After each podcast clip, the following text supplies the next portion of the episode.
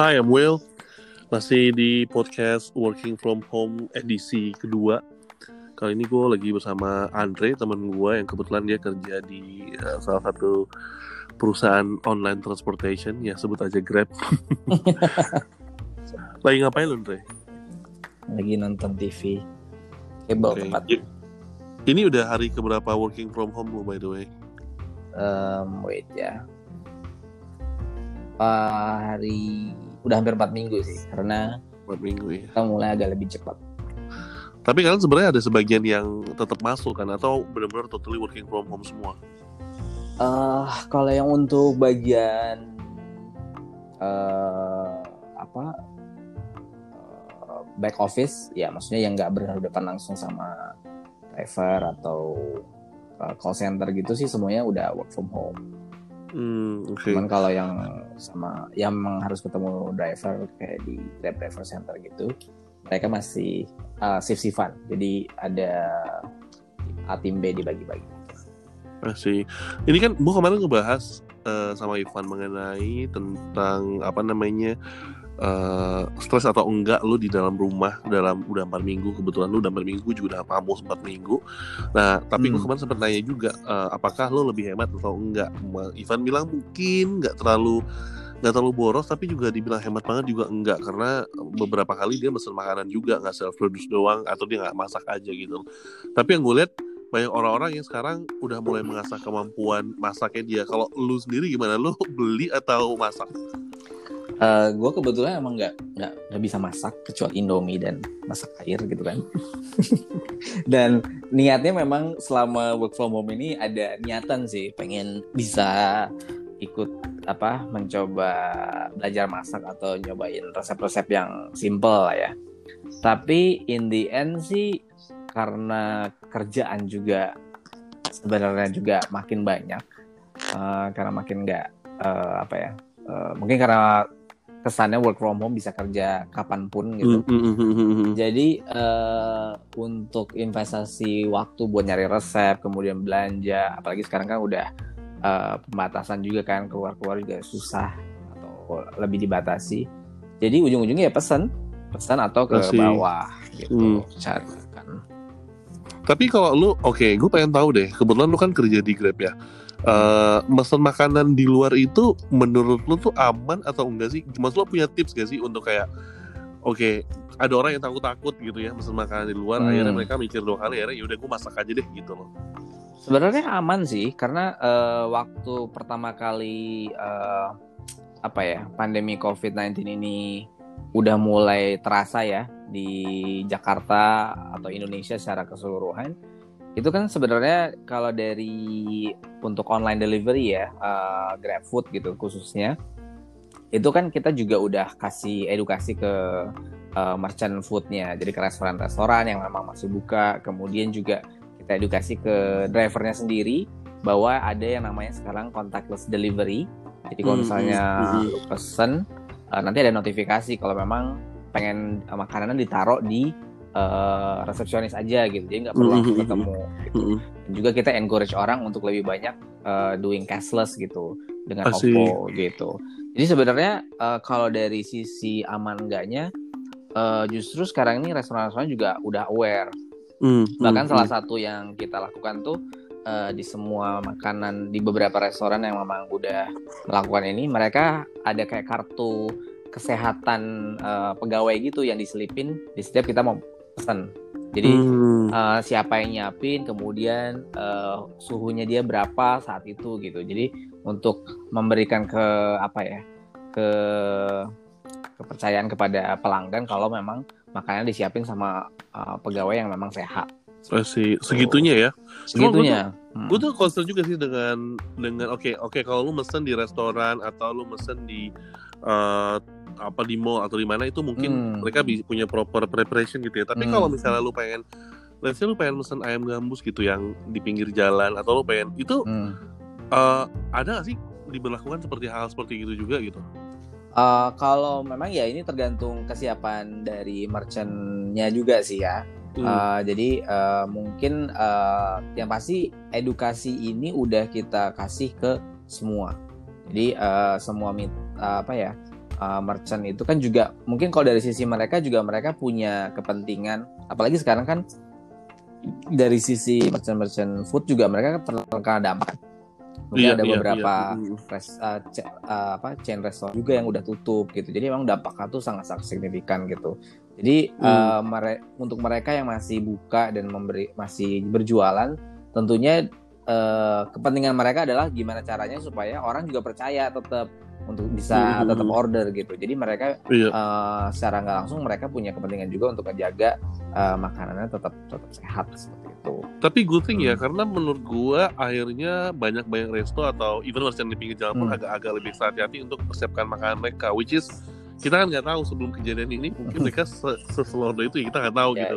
Ya. Yang gua notice lagi, kayaknya gue sempat kayak muter-muter naik mobil gitu ya kayak di eh, coffee coffee shop gitu. Mereka prepare untuk eh, punya apa ya takeaway eh, counter gitu ya. Betul. Bisa orang diajak nongkrong gitu Hmm. kayak di bio gitu. Misalnya kan eh, ya udah orang kalau mau beli makanan ya udah gitu. Lu bisa tapi lu nggak di encourage untuk nongkrong di situ gitu loh. iya Ya nggak sih? Gue lihat tuh di, sekarang di Instagram banyak beberapa restoran yang masih tetap uh, buka ya. Mereka udah naro uh, sistem apa drive thru kan. Jadi uh, Hmm. supaya orang nggak memang nggak harus masuk bahkan ke restorannya, tapi intinya uh, drive thru. Jadi uh, tahu gue tuh Starbucks juga udah ada drive thru sekarang di mana-mana. Jadi mereka uh, lu lewat terus lu pesan, terus nanti tinggal diantarin ke mobil lu gitu. Uh, which is good sih menurut gue itu. Gue tapi sempat kepikiran ya Hmm. sebelumnya kalau misalnya saat ini kan oke order untuk food mungkin berkurang ada tapi kan Hmm. tetap masih ada gitu Hmm. tapi kalau order buat kayak eh, mobil gitu wah jauh ya pasti ya berkurangnya Ya pastilah karena uh, dengan semua orang work from home terus juga ada pembatasan uh, ke mana-mana gitu ya dan kayaknya pemerintah juga udah memperketat lagi ya untuk uh, apa orang yang bisa keluar rumah tuh seperti apa gitu. Nah yang pasti itu berdampak signifikan sih buat uh, yang layanan transportasi baik itu yang car maupun yang bike gitu. Hmm. Tapi uh, untungnya karena memang layanannya kita kan juga beragam. Nah, jadi di saat memang layanan transportasi turun drastis, tapi layanan food sama Grab Express gitu yang nganter-nganterin barang itu naiknya juga Iya, iya. terutama Grab Express ya, itu naiknya juga cukup signifikan. Terus Oh, uh, terus sekarang juga kan sebenarnya udah ada layanan yang mungkin banyak orang masih belum aware gitu. Yang namanya Grab Fresh. Jadi kita grocery shopping melalui uh, aplikasi Grab Hmm. uh, kerjasama sama Happy Fresh itu juga Ya, pen- oh, oh, uh, ya, lihat uh, peningkatannya ja- ja- drastis jauh gitu. Jadi Hmm, uh, memang untuk transportasi emang turun, tapi untuk yang lain-lain yang tadi gue sebutin itu justru cukup signifikan gitu. Jadi uh, driver banyak yang dialihkan kak ke layanan-layanan itu. Hmm. Ya cuma yang missing dari dari eh, apa namanya berubahnya cara hidup kita ya nongkrong nongkrong di coffee shop itu ya kayak ngobrol, hangout sama Betul. teman dan gitu. Betul. Menurut gue sih kayak oh my god itu kayak bener-bener yang hal yang biasa dilakukan tiap weekend atau seminggu tiga kali itu udah nggak ada dan Betul. gila sih. Sebenarnya sih lebih ke ini sih kalau gue, maksudnya gue juga nggak hangout tiap hari ya, tapi menurut gue interaksi dengan manusia akan kerja secara langsung itu sebenarnya ternyata yang selama ini mungkin kita take it for granted itu ternyata itu benar-benar ngebuat, eh, maksudnya itu sebenarnya eh, ada dampaknya untuk eh, kita juga gitu. Eh, Mhm. Jadi eh, ya itu yang gue rasain sekarang sih kayak human interaction sama rekan kerja itu Iya. tuh penting. Walaupun mungkin ya sekarang kan dengan Zoom atau Skype atau Hmm. uh, video conference gitu kan itu juga dijembatani ya. Tapi menurut gua nggak ada, tetap sih masih ada something missing Hmm. dari situ.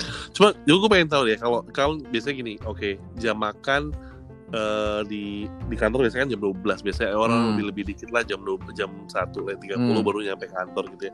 Cuma dengan working from home ini gue ngerasa ada pressure gitu di mana lu jam 12 teng eh di jam 1 lu udah harus di depan eh, laptop lu gitu loh. Kadang bahkan ada beberapa ya orang abusing working from home dan apa eh, fasilitas kayak Teams atau Zoom gitu. Akhirnya mereka memang kayak ya udah bablasin aja jam 12 meeting meeting deh gitu loh. lu ada nggak sih kayak gitu? Ya kalau gue mungkin ya memang eh, kerjaan gue sebelum work from home juga agak 11-12 ya sama itu. uh, cuman emang uh, mungkin karena kan uh, posisi gue kan lebih ke humas kan. Jadi sekarang ini segala sesuatu uh, memang uh, apa ya?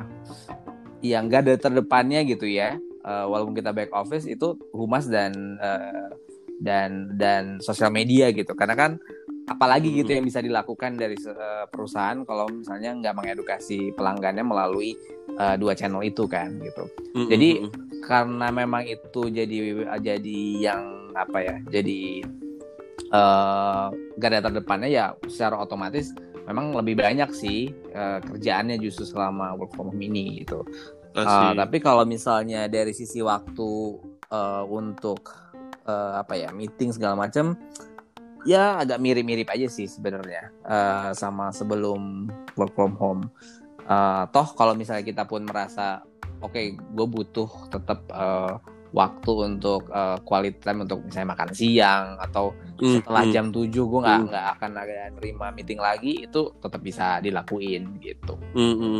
Tapi lo tuh tipikal orang yang belanja groceries lah tiap minggu atau lo numpuk atau ya udah lo gue mesen aja kalau kalau gue mau aja lo hmm. yang ngadepin situasi kayak gini lo kayak gimana kalau sebelumnya tuh gue kalau belanja itu kalau udah habis sih jadi Masih. misalnya kayak uh, apa um, perlengkapan mandi misalnya sabun sampo gitu kan terus atau misalnya makanan habis dan gue butuh uh, hmm. cuman sekarang karena ya di apart ya mungkin karena gue juga malas keluar.